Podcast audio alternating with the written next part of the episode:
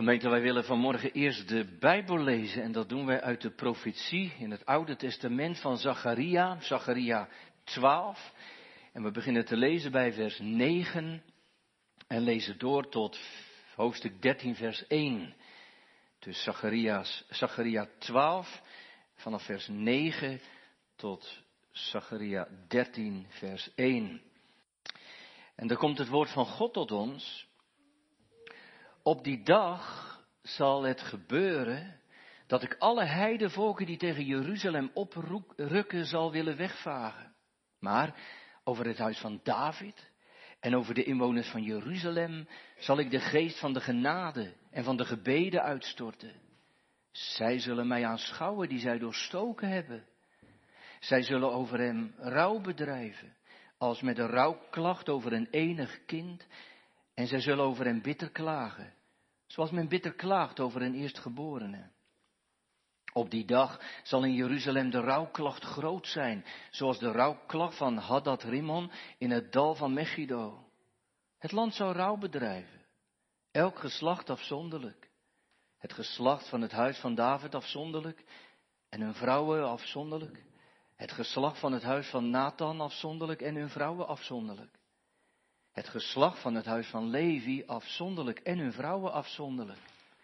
Het geslacht van Simei afzonderlijk en hun vrouwen afzonderlijk. Al de overige geslachten. Elk geslacht afzonderlijk en hun vrouwen afzonderlijk. Op die dag zal er een bron geopend worden voor het huis van David en voor de inwoners van Jeruzalem tegen de zonde en tegen de onreinheid. Tot zover de schriftlezing en de tekst voor de preek en daarmee ook de dooptekst is Zacharia 13 en daarvan dat eerste vers. Op die dag zal er een bron geopend worden voor het huis van David en voor de inwoners van Jeruzalem tegen de zonde en tegen de onreinheid. Tot zover onze schriftlezing en ook onze tekst.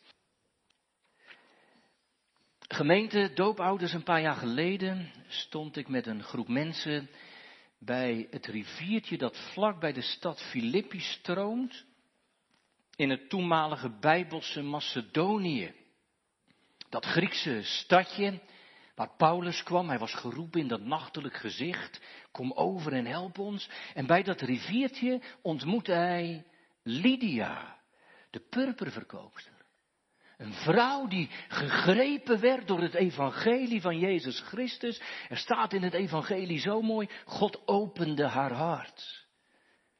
En dat heerlijke evangelie, dat raakt haar. Dat kreeg een plek en toen, toen is ze gedoopt. In dat riviertje. Een, een klein, maar heel snel stromend beetje wild riviertje. Ja, wij dopen in stilstaand water. Een kleine gevulde schaal. Maar, maar zo'n rivier, dat heeft wel iets moois, toch? Vindt u niet? Terwijl je, terwijl je ondergaat in dat water, stroomt het water met alle kracht over je heen, alsof het alles wil afwassen. Alsof je hele oude leven dat riviertje wegstroomt, met de rivier mee. Dat is een mooi beeld van de doop. Vandaag stroomt er weliswaar geen rivier. Maar de betekenis is natuurlijk exact hetzelfde. Gemeente, als je gedoopt wordt, dan ga je als het ware onder in de rivier van Gods genade. En als je goed kijkt en gelooft, dan zie je in dat water een stroom van levend water, een fontein en niet zomaar een fontein. Water van de doop is niet zomaar water. Dat legt het indrukwekkende doopformulier ons vandaag uit. Het betuigt en verzegelt ons de afwassing der zonde. Nota bene. Kijk, gemeente doopouders, als je zo kijkt naar de doop van morgen, dan ga je steeds meer begrijpen wat de Heer daarin tot ons te zeggen heeft. En ik weet zeker, als je zo naar de doop gaat leren kijken, dan ga je je eigen doop ook steeds meer verstaan, begrijpen en waarderen. En ook nodig krijgen. Jongelui, dan, dan word je helemaal, mag ik het even zo zeggen, dan word je helemaal hyper de pieper, omdat je gedoopt bent. Omdat je dat teken aan je voorhoofd draagt. Waar God ooit ineens je leven mee begon. Nee, nee, niet om de doop zelf, die maakt niet zalig. Dat weten jullie ook wel. Maar om wat het betekent. Om wat het verzegelt. Om de boodschap die erin zit. Een, een boodschap, gemeente, die de profeet Zacharia vanmorgen laat horen.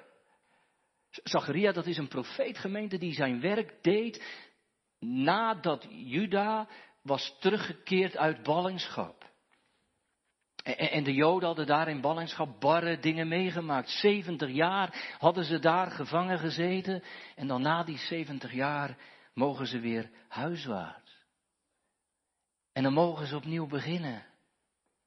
En samen met Haggai, die andere profeet die wij kennen uit het Oude Testament, samen met Haggai, moedigt Zacharia het volk aan om, het land weer op te bouwen en, de tempel. En, en Zacharia krijgt daarbij God prachtige visioenen bij. En, en profetieën die hij dan weer aan het volk moet doorgeven.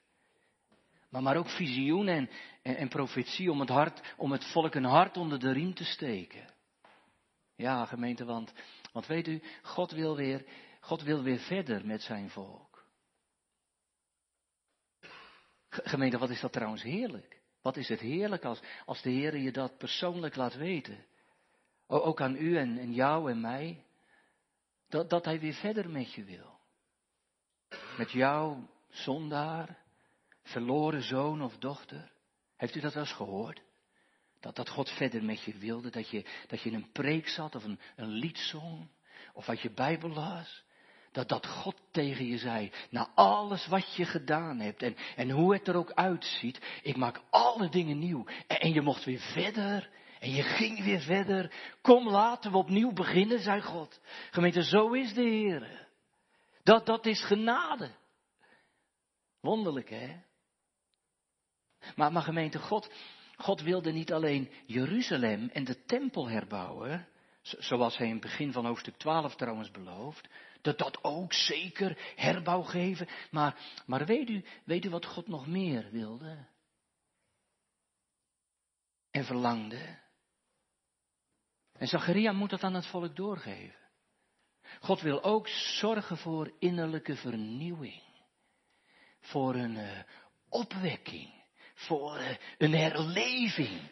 En zo, zodat alles weer doortinteld raakt van de vrezen des Heren. Wij zouden vandaag zeggen dat alles weer vol is van de Heere Jezus Christus. Zacharia mag, mag het volk prediken dat, dat God wil, dat, dat ze weer opnieuw zullen dienen zoals hij dat wil, zodat hij weer echt een vader kan zijn voor, voor al zijn kinderen. Mag ik iets vragen? Verlangt u daar wel eens naar? Dat de winter eens flink doorheen gaat? Doopouders, Aart en Elise. Verlangen er wel eens naar dat, dat het vuur helemaal gaat branden, opnieuw brandt. Voor jezelf, voor Owen, voor Zoe. Dat, dat, we, dat we niet alleen in onze gezinnen en in de kerk en alles weer, eh, alles onder controle hebben, ook na corona en zo. Maar dat er, dat er van binnenuit iets gebeurt. Gemeente, verlangt u er wel eens naar voor uzelf, voor uw gezin, voor de kerk? Dat je niet alleen in kerkelijke en christelijke zin alles weer op orde hebt. En dat je kinderen misschien in het gelid lopen, maar, maar dat er innerlijk iets verandert. Dat de zaak in vuur en vlam gaat, weet u gemeente, dat wil God zo graag. Daar is het hem echt om te doen. Niet dat we christenen zijn voor de christelijkheid en kerkelijk zijn voor de kerkelijkheid. Ik, ik dacht bij het maken van de preek. Misschien heeft God er wel een beetje hekel aan. Dat we een beetje christelijkheid onderhouden en kerkelijkheid. Maar wil hij dat het echt om hem te doen is? Dat ons leven er vol van raakt. Dat we helemaal zijn kind zijn en, en, en daarna leven. En gemeente, zijn we zo ver? Bent u, ben jij zo ver? Of moet je dan vanmorgen zeggen, ja, dan, dan heeft God ook nog best wel werk aan mij te doen. Nou, dat zal ook wel, denk ik. Of je zegt, ja, ik weet wel van dat nieuwe leven, maar, God moet het iedere keer weer aanvuren en, en me iedere keer weer met die geest vervullen, zeker. En daarom, gemeente, daarom, daarom gaat de Heere God met dat volk van Juda aan de slag. We, weet u wat hij doet? Dat kunt u in eh, hoofdstuk 12, vers 10 lezen. Hij gaat hun de geest van genade en van gebeden geven. Dat is een beetje pinkster, hè? Eenvoudig gezegd gaat de Heere God er door de Heilige Geest voor zorgen dat de mensen zullen weten dat God hen genadig wil zijn. De geest van genade. En, daar gaat hij dan hun ogen weer voor openen. En hij gaat ervoor zorgen dat ze daar dan ook om gaan bidden. Want het is de geest van de genade en van de gebeden. Heeft u dat wel eens gedacht? Dat, dat het helemaal bij je doordrong, dat, dat God een God van genade is, die, die tegen je zei, hoe het er ook voor staat, en wat er ook gebeurd is, en wie je ook bent, kom in mijn armen. Kom terug. En gebeurde er toen iets. weet u, Weet u wat er in Juda gebeurde? De, de Heilige Geest, die zorgde ervoor dat de mensen op hun knieën gingen. Weet u waarom? Weet u waarom? Het drong tot ze door dat die God van genade en liefde gaf wat zij helemaal niet verdiend hadden. Dat. We weten, het kwam op ze af. Het kwam op ze af dat, dat die God van genade dat ze die juist op, hun, op zijn hart hadden getrapt. Ze, ze hadden God diep in zijn ziel geraakt door hun zonde. En juist nu, zo na de ballingschap, zien ze dat. Weet u gemeente, weet u gemeente dan, dan staat de Heere voor u. En dan wil hij u door de Heere Jezus Christus zijn genade schenken. En hij, hij is een en al liefde en genade.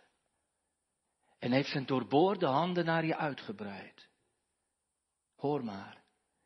De hele dag, dat is Jesaja 65. De hele dag heb ik mijn handen uitgebreid naar een opstandig volk. Dat de weg gaat die niet goed is. Naar hun eigen gedachten. En dan, dan kijk ik naar hem. En dan zie ik die doornenkroon. Dan zie ik de gaten in zijn handen en de wond in zijn zij. En dan dringt het door. Dat is door mij en voor mij. Gemeente, ziet u hem staan? Ziet u het?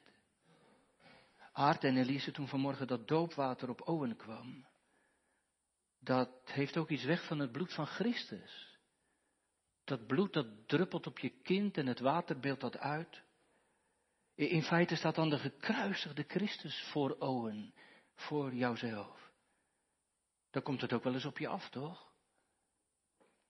Is dit het? Moet het zo duur? Is dit de prijs? Gemeente, ziet u hem staan? Deze Jezus, zegt Petrus later op het tempelplein, die u gekruist hebt, omdat je maar doorzondigde en deed alsof God het niet zag omdat u zich niet bekeerde en, en, en zijn roep niet echt beantwoordde met heel uw hart. Omdat we met dat christelijke en kerkelijke leven zo tevreden zijn, maar ondertussen doorleven in de zonde. Ik sloeg hem die wonden. Voor mij moet hij daar staan. En ik deed door mijn zonden hem al die jammeren aan. Weet u, Weet u, die, die Judeërs, die Judeërs, die hebben het niet meer. Daar laten we ook iets van. O, overal zie ik ze bidden. De, daar een groepje, hier een gezin, verderop iemand alleen. En diep, heel diep buigen ze voor God. En jij en uw gemeente, hoe, hoe, hoe lang houdt u het nog uit? Hoe lang heeft, of heeft of heeft dat liefde oog van Jezus je verbroken? Net, net als bij Petrus. Die, die, zijn, eh, die zijn lieve heiland driemaal verlogen had. En toen Jezus later in de ogen moest kijken. En toen zei Jezus tegen hem, Petrus, heb je mij lief? Wat zal het op hem af zijn gekomen, denkt u niet? Verlogen naar die hij was. Of jongelui even met onze woorden, Petrus de loser. Loser van de eerste orde, toch? Is het wel eens op u afgekomen en, en op jou? Ja, ja, maar zegt iemand vanmorgen, u, u zei toch net dat God een opwekking ging geven? Dat, dat, dat, hij, dat hij Juda ging vernieuwen, eh, dat, dat er opnieuw vuur moest komen, jawel, zeker. Maar blijkbaar begint het hier, op de knieën, in een schuldbeleidenis voor God. Zoiets wat ik bij, bij, bij David hoor, want, want ik gevoel de grootheid van mijn kwaad, mijn zonde zie ik mij steeds voor ogen zweven. Maar, maar het eindigt hier niet. Gemeente, het eindigt hier gelukkig niet, want, want gemeente, God doet geen, geen half werk, echt niet. Je, je zou kunnen zeggen, waar, waar mensen aan hun einde zijn, daar, daar begint God. luister maar, heel stil. Dan hoor je die stroom van genade ruisen. Want op die dag zal er een bron geopend worden. Er, er, gaat dus iets gebeuren, mag Zacharia profiteren. Wanneer? Op die dag. Heel vaak is het zo gemeend als er op die dag staat in de profetieën, dat dat verwijst naar de wederkomst, naar de oordeelsdag. Maar dat is niet altijd zo. Hier dus niet. Hier in de tekst zou je kunnen zeggen, blijven we veel dichter bij huis en, en sluiten die woorden van hoofdstuk 13, daarom las ik dat er meteen bij, misschien weet u dat wel, in de originele Hebreeuwse grondtekst zitten helemaal geen hoofdstukken. En ook geen versnummers. Dus, dus dan zit het allemaal aan elkaar vast. dus in deze tekst, hoofdstuk 13 vers 1, zit meteen aan hoofdstuk 12 vast. En, en sluit daarom meteen aan. Alsof de Heere, God zegt, let op. Als jij er doorheen zit, als het leven op je afkomt, als je soms niet meer weet waar je het zoeken moet, als je beseft dat je jezelf niet zalig kunt maken, zal ik op dat moment iets doen. Op die dag. Op die dag, nee, niet daarna. Niet na lang wachten. Ook niet, of mocht die dag er ooit nog eens komen. Maar op die dag. Op die dag zal ik een fontein openen tegen de zonde. En de onreinheid. De, de Heere God zegt, ik, ik zal iets laten stromen, laten klateren tegen de zonde en de onreinigheid, waardoor al de vuilheid van je bestaan zal worden afgewassen. Iets wat je zal reinigen. Iets wat schoon schip maakt. Helemaal. Hoort u het hem zeggen, gemeente? Hij zegt, kind, als je nu moet gaan door dat dal. Zo'n dal van de moerbijbomen, weet u wel, uit Psalm 84 zo'n dal in je leven, zo'n zo'n tranendal waar, waar het op je afkomt. Wie je bent. Juist daar, op die dag, zal er een fontein geopend worden. Tegen, nou, tegen de pijn, tegen de zonde, tegen de schuld. En je mag ervan drinken en je kunt je erin wassen. Gemeente, Gemeente, het is toch niet zo moeilijk te raden, denk ik, voor u, waar deze fontein heen wijst, denk ik, toch? Sommige vertalingen die laten dat al een beetje doorschemeren. Die, die schrijven het woordje bron of een fontein met een hoofdletter. Misschien nog iets over Hebreeuws. Het Hebreeuws kent helemaal geen hoofdletters. Dus als je het vertaalt, zou je dat zelf moeten doen. En sommige vertalingen doen dat al een beetje. Die zeggen, ja, maar deze fontein, dat moet over Jezus gaan. En Psalm 84 brengt ons ook een beetje op dat spoor, toch? In, in het dal der Moerbezi, door Moerbijboom, is Hij ons tot een bron. God. En als ik de lijn doortrek naar het Nieuwe Testament, dan kom ik uit bij de Heer Jezus, toch? Hij die de bron van het leven is. Waarom? Omdat Hij met zijn bloed, met zijn bron, reinigt van alle zonden bron. Weet je wat ik heel opmerkelijk vond bij het bestuderen van Zacharia 13? Dat bron of fontein dat je dat ook mag vertalen met een bloedvloed. Met een vloed van bloed. Nou, dat bleef bij mij wel haak. Ik dacht, als, als de Heer dan een bloedvloed opent, wie kan dat anders zijn dan Jezus? Dan is de Heer Jezus die rots in de woestijn waarop geslagen wordt. Dat, die vergelijking maakt Hebreeën. Zodat er water uitkomt. Jezus werd op Golgotha geslagen zodat er bloed uitkwam. Hij werd doornageld. Hij werd doorstoken. En hij liet het gebeuren, gemeente, uit volstrekte liefde voor vervuilde en voor doodzieke zondaren. Voor u en voor mij is er een bron geslagen op Golgotha, op die dag. Voor u, voor mij, voor, voor Owen. Voor dat kleine ventje dat we vanmorgen hebben gedoopt. En onder hebben gedompeld in die bron, die, die bron van het leven. Gemeente in de doop.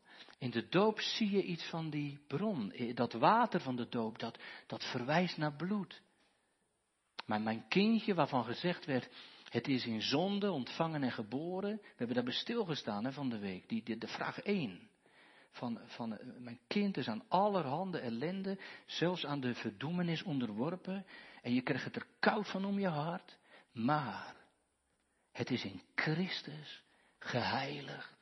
Het is ondergebracht en ondergedompeld in die geweldige belofte dat Hij vergeving schenkt. Dat Zijn bloed mij het leven geeft. Hoe heerlijk is het als je, als je dat mag weten, als je gedoopt bent, als je dat teken met je meedraagt. Jongelui, weet je hoe gaaf het is als je gedoopt bent? Ik ben gedoopt, God heeft me iets beloofd. Je wil niet weten wat, joh. Zo groot, zo mooi. Wat heeft hij me beloofd? Dat hij een fontein van genade over mijn leven zou uitstorten. En ik, ik mag in die fontein gaan staan. En het bloed van Jezus Christus reinigt je van alle zonden. Weet je, weet je wat er gebeurt als je in het verbond komt, doopouders? Als je in het verbond komt, dan kom je in dat stroomgebied van het bloed van het lam. Prachtig. En weet je waarom? Omdat God van die gedoopte redding wil. En als je naar dat water kijkt, dan zeg je, en wat heeft hij daarvoor ver gegaan? En diep. Het kostte zijn bloed. Jongens en meisjes, ik was eens in een kerk. In een hele oude kerk in Duitsland. En uh, daar stond een enorm groot doopvond. Niet zo'n kleintje zoals wij hebben. Maar echt misschien wel twee meter groot breed of zo. Een heel groot doopvond. En bovenop dat doopvond, daar stond een beeld van een pelikaan. En om die pelikaan zaten drie kleine pelikanen, drie jongen. En je zag, je zag jongens en meisjes dat die pelikaantjes, die kleintjes, dat ze erg honger waren. Ze waren uitgemergeld. Maar weet je wat die pelikaan deed op dat doopvond, in dat beeld? Je zag dat die pelikaan met haar snavel in haar eigen lijf zat te pikken. En, en oh, er was ook bloed, want je zag dat daar een beetje bloed uit kwam. Je zag ook dat er bloed op haar snavel zat. En met dat bloed zat ze die jongen, die kleine pelikaantjes, eten te geven zodat die bleven leven. Mooi hè? Ik heb dat nog nooit gezien, zo'n groot beeld. Dus een moeder pelikaan die de eigen jonkies eh, voedt met haar eigen bloed, want anders gaan ze dood. Nou. En, dat beeld, dat stond boven op een doopvond. Maar weet je waarom het bovenop die doopvond staat, jongens en meisjes? Om te laten zien dat Jezus dat ook doet dat de Heer dat ook doet voor jou, voor mij. De Heer Jezus is dan een soort die pelikaan. En hij gaat aan het kruis. En hij moet daar bloeden, dat weet jij. En waarom moet Jezus bloeden? Dat weet jij toch? Zodat jouw zonden vergeven kunnen worden. Zodat ook kleine kinderen eeuwig mogen leven. Mooi hè? Moet je maar denken. Dus als je denkt ik ben gedoopt, dan moet je maar denken aan die pelikaan en wat hij doet. Gemeente, en als, als de Heer je voedt met dat levend water, dan doet hij dat niet mondjesmaat. Niet een beetje zo nu en dan en af en toe. En een beetje hier en een druppeltje daar. De, de, de, denk nou niet bij dat stroompje, een stroompje hier en een stroompje daar. Zacharia noemt, noemt die stroom niet voor niets een bron of een fontein. Het gaat wel ergens over. Ik zei u al, je mag het vertalen met bloedvloed, maar je mag dit vertalen ook met watervloed. Watervloed of een, of een waterbron. Het stroomt er in rijke mate uit. Misschien heeft u wel eens bij een echte waterbron gestaan of een fontein. Dan kun je zo verwonderd zijn. Het blijft maar stromen en het houdt maar niet op. Gemeente, zo is het ook met deze godstroom der genade die, die als een fontein blijft stromen. En die ook vandaag u en jouw leven, mijn leven raken wil. En daarom wordt er vandaag weer gedoopt. Doopwater raakt niet op. Het wil je verdroogde, je, je verzondigde leven raken. En, en ook u raken die hier zit en misschien zegt, nou ja, in het geloof gaat het bij mij misschien nooit meer bloeien. Kun je wel eens hebben toch? Jongelui, dat je denkt, nou ja, gelovig, de dominee is erg gelovig, dat lijkt tenminste zo, maar ik, eh, ik snap het allemaal niet zo. En, eh, nou, je kunt zeggen, ben je een beetje uitgedroogd. Ja, maar, maar, maar je vindt misschien geloof moeilijk en, en bekering. En, en misschien zijn ze er eh, hier in de kerk ook wel. Geloof en bekering en hoor ik er dan wel bij en bereikt het mij wel? Kun je toch hebben? Maar weet je wat Zacharia profeteert? Hij zegt, er zal een bron, een fontein opengaan. Het zal naar je toestromen. Dat zit namelijk in dat fontein. En daarom stroomt er vandaag water van de doop. En als je preekt, dan, dan stroomt dat als het ware maar door. Be bewust, zegt de profeet, een geopende bron. Het is een beetje dubbelop, hè? Ik dacht bij mezelf, alsof een bron dicht kan. Een geopende bron. Die sluisdeuren blijven maar wijd openstaan. En zo bereikt het een ieder. Heel dat volk. Iedereen, zegt u? Iedereen. Nou, dan moeten we kijken wat in de Bijbel staat. Het staat zo in de Bijbel. Er wordt een bron geopend voor het huis van David en voor de inwoners van Jeruzalem. Weet je wat dat betekent? Dat is een manier van spreken. Zegt, nou, daar staat het toch. Dat zal wel zijn voor de familie van David en voor iedereen die in de stad woont. Nou, dat, het betekent iets, iets meer nog. Het betekent eh, voor hoog en voor laag. Dit is een soort uitdrukking. Huis van David, dat, dat is het koninklijk geslacht en het gewone volk. Dat wil Zacharia zeggen. Voor hoog en laag. Voor rijk en arm. Voor iedereen. Voor iemand die voor de eerste dag in de kerk komt of zijn hele leven al. Iemand die het heel nauw neemt en helemaal niet. In dat water, dat stroomt voor allen, verdwijnen de zonden. Gemeente, niemand. Niemand moet zich buitengesloten worden. Het is een open fontein voor hoog en laag. En in dat water, in dat water, kunnen, kunnen de zonden ook niet meer bestaan, hè? Dat kan niet. Door, door dat water, als dat in je leven is, dan, komt er een heilig leven. Dat, dat is ook wat God van je vraagt. Dat je rein bent. Dat je handen rein zijn. En, en dat wil dat voortstuwende water bewerken. Kijk, vandaag zou je kunnen zeggen, stroomt dat water. Hoorbaar en zichtbaar. En de vraag is, ga, jij en ben jij nou iemand die op de knieën gaat als hij van deze genade hoort? En weet je door opgezocht. Gemeente, dan blijft het niet zoals het is. Ook voor Owen niet. Je kan niet vandaag zeggen, nou is gedoopt en dan gaan we nu het beste er maar van maken. Nee, dat, dat gaat echt niet, Art en Elise. Zo goedkoop was het water niet. Het is een stroom van levend water.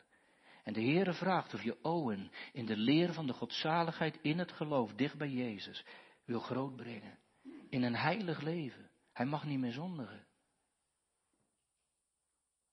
Ik zie jullie kijken en zeggen, dat is geen doen. Maar hij mag niet meer zondigen.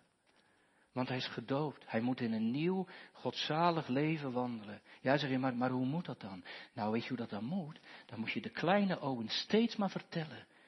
Hoe het met die zonde moet gaan. Waar die het kwijtraakt. Hoe die vervuld kan worden met de geest. En in dat nieuwe leven kan wandelen.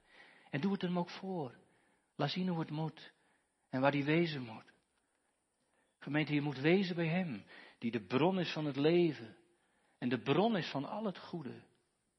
En, en luister goed, steeds maar weer, naar die godstroom der genade. is een prachtig lied en een gedicht over, hè? Dat gaat zo. Ruis, Godstroom der genade.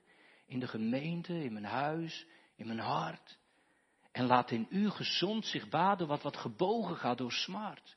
En stroom, o heilige geest ter neder op het uitgedroogde land. En dan, dan bloeien de bloemen weder, haast verwelkt door zonnebrand. Kom, gij dorstige, kom hier drinken uit die milde heilsfontein. En laat uw ziel in het stof niet zinken, maar in haar gereinigd zijn. En laat u door haar golven dragen, tot waar liefde nooit verkoelt.